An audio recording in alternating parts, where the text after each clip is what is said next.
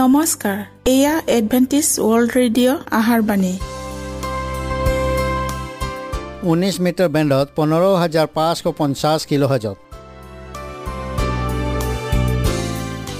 Adventist world radio যোগে অসমীয়া ভাষাত প্ৰচাৰিত আহাৰবাণী প্ৰত্যেক বুধবাৰ আৰু দেওবাৰ সন্ধিয়া সাত বজাত আহাৰবাণী শুনাৰ পিছত আপোনালোকৰ কিবা মন্তব্য আৰু প্ৰশ্ন থাকিলে আমালৈ এই ঠিকনাত লিখক। আমাৰ ঠিকনাটি হৈছে Adventist world radio' seven day Adventist মণ্ডলী অসম শাখা লতাকাটা বশিষ্ট গুৱাহাটী সাত আঠ এক শূন্য দুই ন।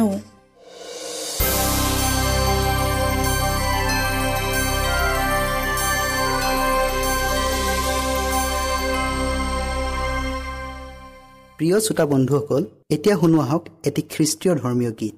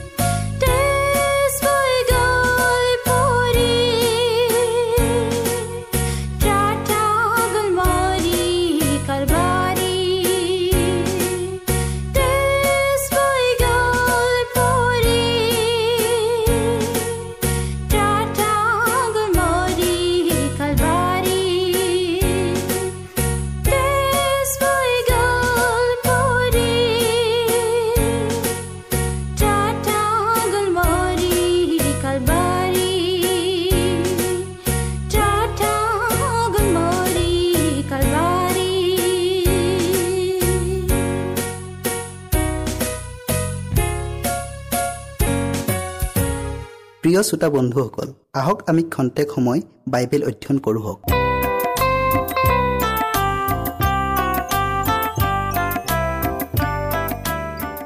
প্ৰিয় শ্ৰোতাসকল নমস্কাৰ। প্ৰভুৰ দ্ৰাক্ষাবাৰী এই দৃষ্টান্তৰ শেষ অংশটো আজি আমি শুনো হওক। শাস্ত্ৰপদ হৈছে লোক একৈছ অধ্যায়ৰ তেত্ৰিছ পদৰ পৰা চৌৱাল্লিছ পদ। আমি প্ৰাৰ্থনা কৰোঁ হওক। স্বৰ্গত থকা জীৱনময় গৰাকী ঈশ্বৰ জিহুৱা। তোমাক ধন্যবাদ দিছোঁ প্ৰভু কিয়নো তোমাৰ আশীৰ্বাদ আৰু অনুগ্ৰহৰ বাবে এই সুন্দৰ সময় আকৌ আমি পালোঁ। প্ৰভু আমি আজি প্ৰভুৰ দ্ৰাক্ষাবাৰী এই দৃষ্টান্তৰ শেষ অংশটো অধ্যয়ন কৰিবলৈ আগবঢ়াইছোঁ। তুমি প্ৰত্যেক শ্ৰোতাক এই বিষয়টোলৈ সম্পূৰ্ণ বুজিবলৈ জ্ঞান আৰু বুদ্ধি দিয়া। পবিত্ৰ আত্মাৰ যোগেদি তেওঁলোকক আগুৱাই নিয়া। যীশুৰ নামত খুজিলোঁ আমেন। খ্ৰীষ্টক ব্যক্তিগত ত্ৰাণকৰ্তা বুলি গ্ৰহণ কৰা সকলো ব্যক্তিয়ে সুবাৰ্তাৰ সত্য আৰু জীৱন উদ্ধাৰ কাৰক ক্ষমতা বা শক্তি আছে প্ৰদৰ্শন কৰক। এইবোৰ সিদ্ধ হোৱাৰ ব্যৱস্থা নকৰাকৈ ঈশ্বৰে একোৰে দাবী নকৰিলেহেঁতেন। খ্ৰীষ্টৰ অনুগ্ৰহৰ দ্বাৰাই ঈশ্বৰে বিচৰা আটাইৰে আমি সম্পন্ন কৰিব পাৰোঁ। স্বৰ্গীয় আটাই বৰ ঈশ্বৰৰ লোকবিলাকৰ যোগেদি প্ৰকাশ হওক কাৰণ শাস্ত্ৰত কৈছে তোমালোকক অধিক ফল ধৰাৰ দ্বাৰাই মোৰ পিতৃ গৌৰৱান্বিত হয় আৰু এইদৰে তোমালোক মোৰ শিষ্য হ'বা। গোটেই জগতখনেই ঈশ্বৰৰ তেওঁৰ দ্ৰাক্ষাবাৰী বুলি দাবী কৰে।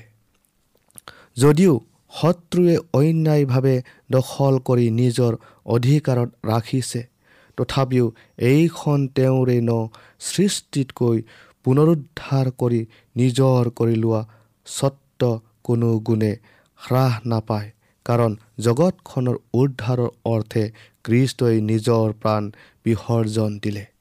কাৰণ ঈশ্বৰে জগতক ইমান প্ৰেম কৰিলে যে তেওঁৰ একমাত্ৰ পুত্ৰকে দান কৰিলে যাতে যিকোনোৱে তেওঁক বিশ্বাস কৰে তেওঁ নমৰে কিন্তু অনন্ত জীৱন পায়। যোখন তিনি অধ্যায়ৰ ষোল্ল পদত। এইবোৰ প্ৰত্যেকজন মানুহক আমি বিলাবই লাগিব। গোটেই জগতখনেই দৈনিক ঈশ্বৰৰ পৰা আশীৰ্বাদ পায়ে আছে। প্ৰত্যেক টোপাল বৰষুণৰ পানী পোহৰৰ ৰশ্মি এই অকৃতজ্ঞ মানৱ জাতিৰ ওপৰত বৰষাই আছে। প্ৰত্যেক শিলা পাত আৰু ফুলে আৰু ফলে ঈশ্বৰৰ দীৰ্ঘ সহিষ্ণুতাৰ আৰু তেওঁৰ মহাপ্ৰেমৰ সাক্ষ্য দিয়ে। প্ৰিয় শ্ৰোতাসকল আজিৰ জগতে কৰা পাপবিলাকেই ইজৰাইলৰ পতন ঘটালে।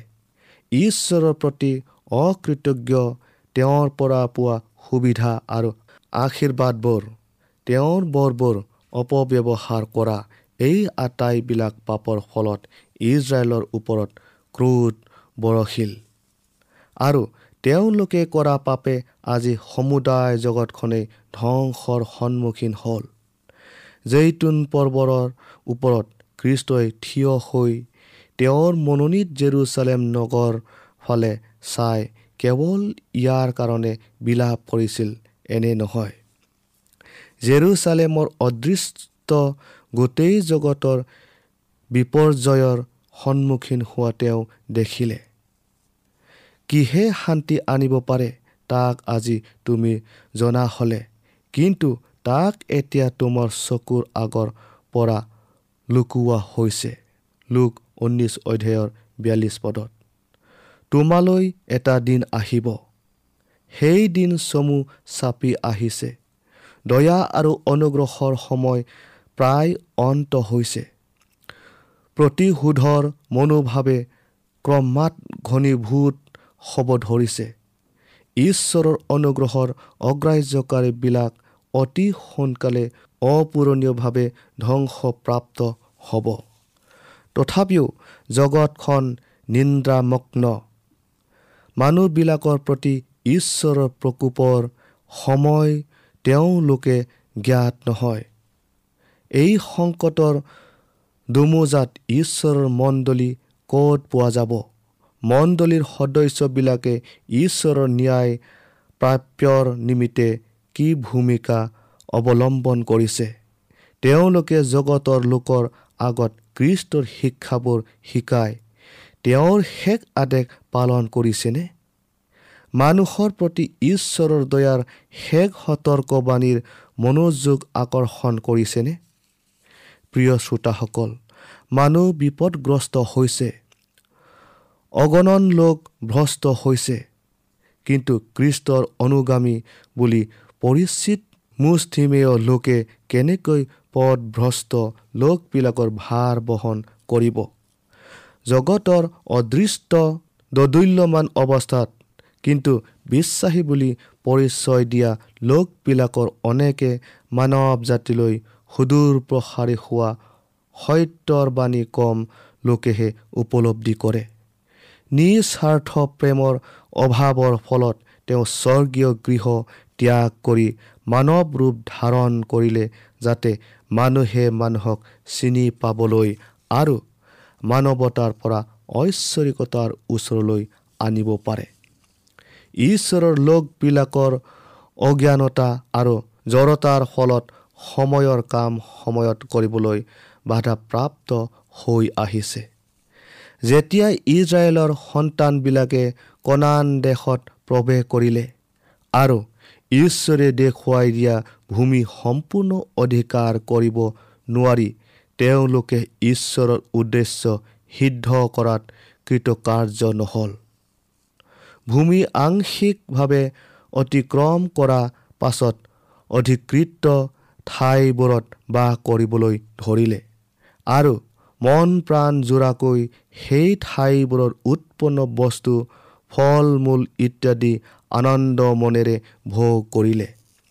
তেওঁলোকৰ অবিশ্বাস আৰু প্ৰেমহীনতাৰ বাবে ভূমি অধিকাৰ কৰিবলৈ আগবাঢ়ি যোৱাৰ সলনি অধিকৃত ঠাইতে একগোট হৈ থাকিল। এইদৰে ক্ৰমান্বয়ে তেওঁলোকে ঈশ্বৰৰ পৰা আঁতৰি আহিব ধৰিলে। তেওঁৰ উদ্দেশ্য সিদ্ধ কৰাত বিফল হোৱা কাৰণে তেওঁৰ আশীৰ্বাদৰ প্ৰতিজ্ঞাবোৰ সফল কৰাত অসম্ভৱ হ'ল।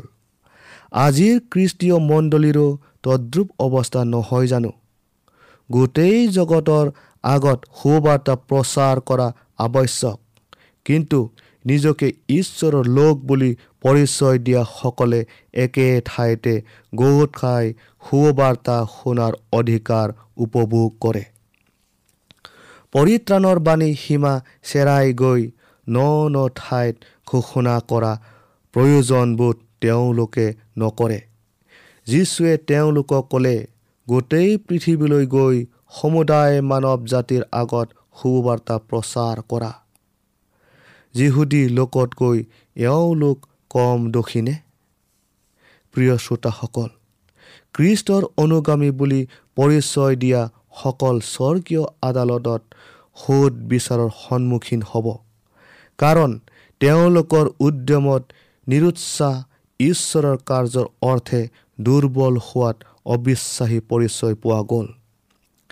তেওঁলোকে দায়িত্ব বুজি কামখিনি একান্ত মনে কৰাহেঁতেন তেন্তে তেওঁলোকক দোষী সাব্যস্ত কৰা নহ'লহেঁতেন। কিন্তু তেওঁলোকে জানে আৰু জগতেও জানে যে তেওঁলোকে ক্ৰুচ কঢ়িওৱাত ত্যাগ স্বীকাৰ কৰিব নোৱাৰি আত্মিকত অতিশয়ৰূপে দুৰ্বল হোৱাৰ প্ৰমাণ দিলে। স্বৰ্গৰাইজৰ পুস্তকত এওঁলোকৰ নাম কোনো ৰূপে উল্লেখ নাথাকিব।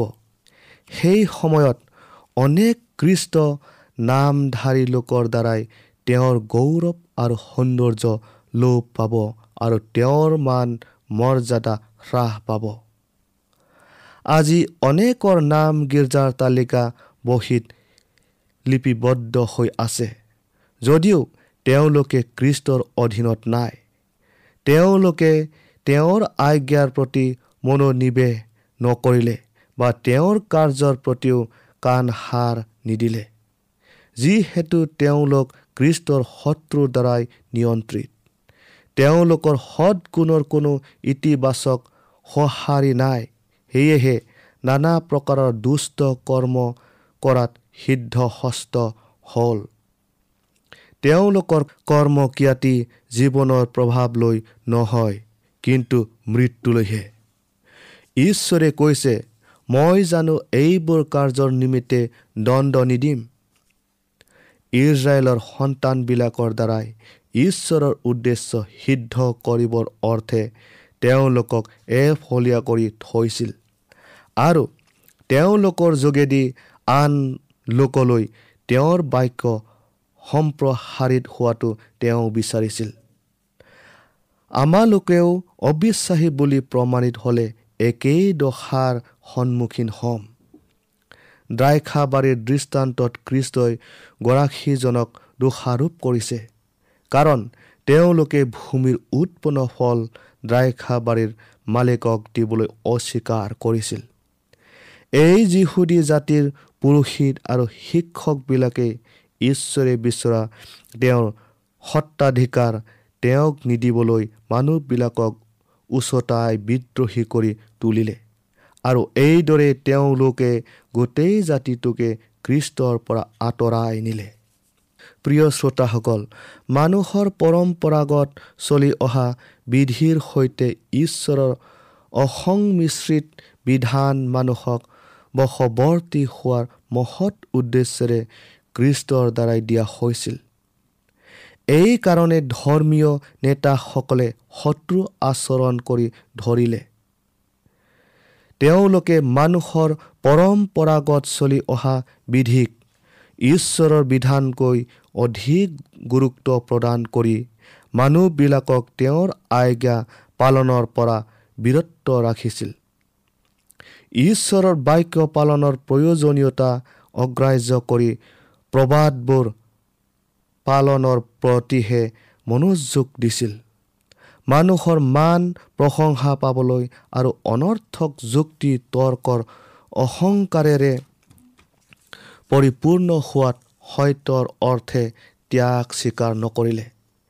খ্ৰীষ্টই যেতিয়া আহি জাতিটোৰ আগত নিজকে প্ৰকাশ কৰি ঈশ্বৰৰ স্বত্ব দাবী কৰিলে তেতিয়া পুৰোহিত আৰু বৃদ্ধসকলে তেওঁলোক আৰু মানুহবিলাকৰ মাজত মধ্যস্থ হোৱাত বাধা প্ৰদান কৰিলে। তেওঁলোকে খ্ৰীষ্টৰ অনুযোগ আৰু সতৰ্ক একোতেই কাণ সাৰ নকৰিলে বৰং তেওঁলোকে মানুহবিলাকক খ্ৰীষ্টৰ বিৰুদ্ধে উচতনি দি তেওঁৰ প্ৰাণ নাশৰ অৰ্থে কুমন্ত্ৰণা কৰিলে। খ্ৰীষ্টক অগ্ৰাহ্য কৰা পৰিণামৰ ফলৰ বাবে তেওঁলোকে দায়ী আছিল। এটা জাতিৰ পাপ আৰু ধ্বংস হোৱাৰ কাৰণে প্ৰধানত ধৰ্মীয় নেতাসকলে দায়ী আছিল। প্ৰিয় শ্ৰোতাসকল আমাৰ যুগৰ কৰ্মটো এই একে প্ৰভাৱ পৰা নাইনে?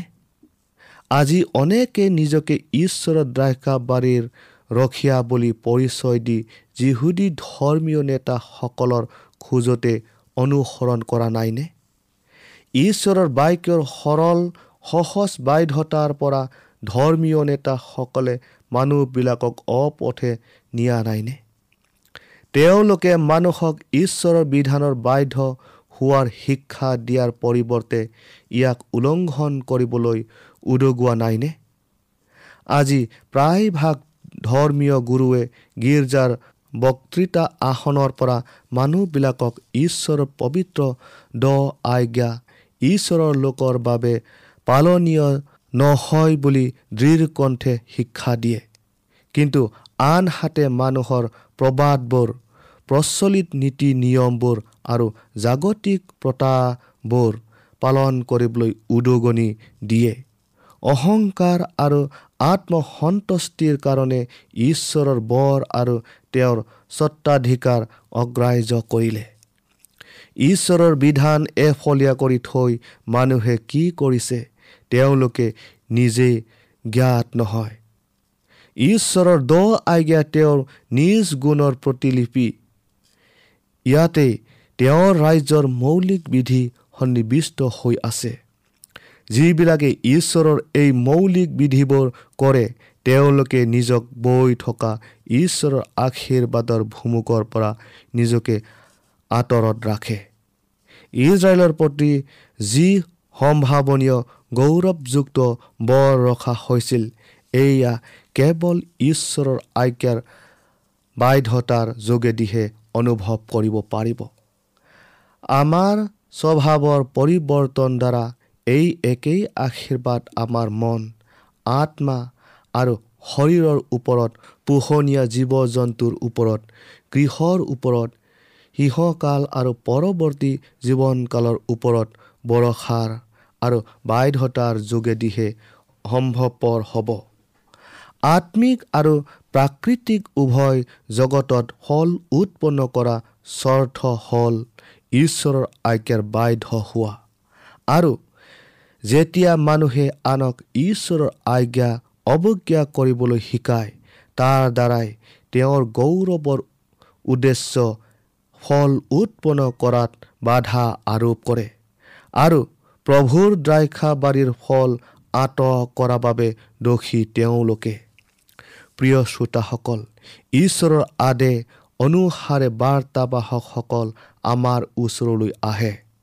কৃষ্টই যেনেকৈ ঈশ্বৰৰ বাক্যৰ বাধ্য হৈছিল সেই বাধ্যতা আমাৰ পৰাও বিচাৰি আহে।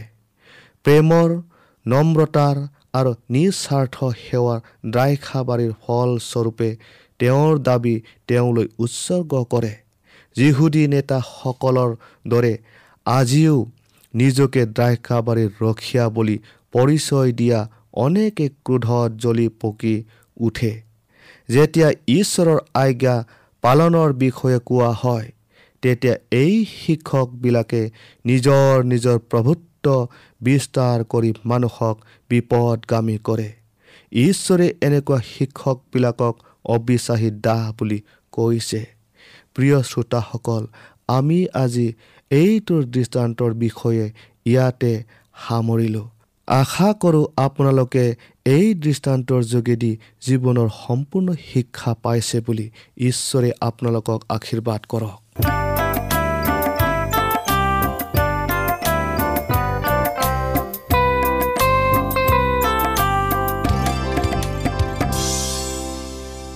ইমানপৰে আমি বাইবেল অধ্যয়ন কৰিলোঁ। এতিয়া আকৌ শুনো আহক এটি খ্ৰীষ্টীয় ধৰ্মীয় গীত।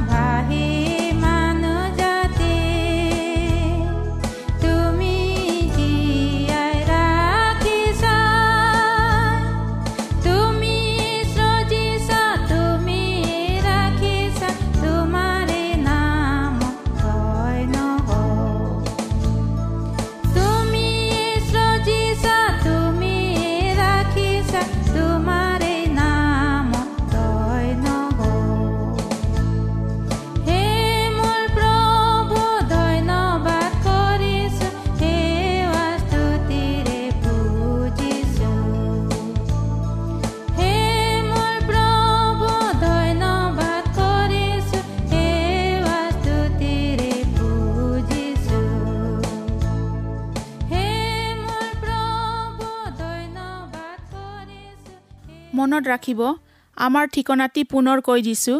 Adventist world radio' Assam region of seven day Adventist voice of hope Latakata Basistha Guwahati seven eight one zero' two nine প্ৰিয় শ্ৰোতা বন্ধুসকল এডভেণ্টিজ ৱৰ্ল্ড ৰেডিঅ' যোগে আহাৰবাণী প্ৰচাৰত আপোনালোকক পুনৰ লগ পোৱাৰ আহাৰে আজিলৈ সামৰিলোঁ। ধন্যবাদ।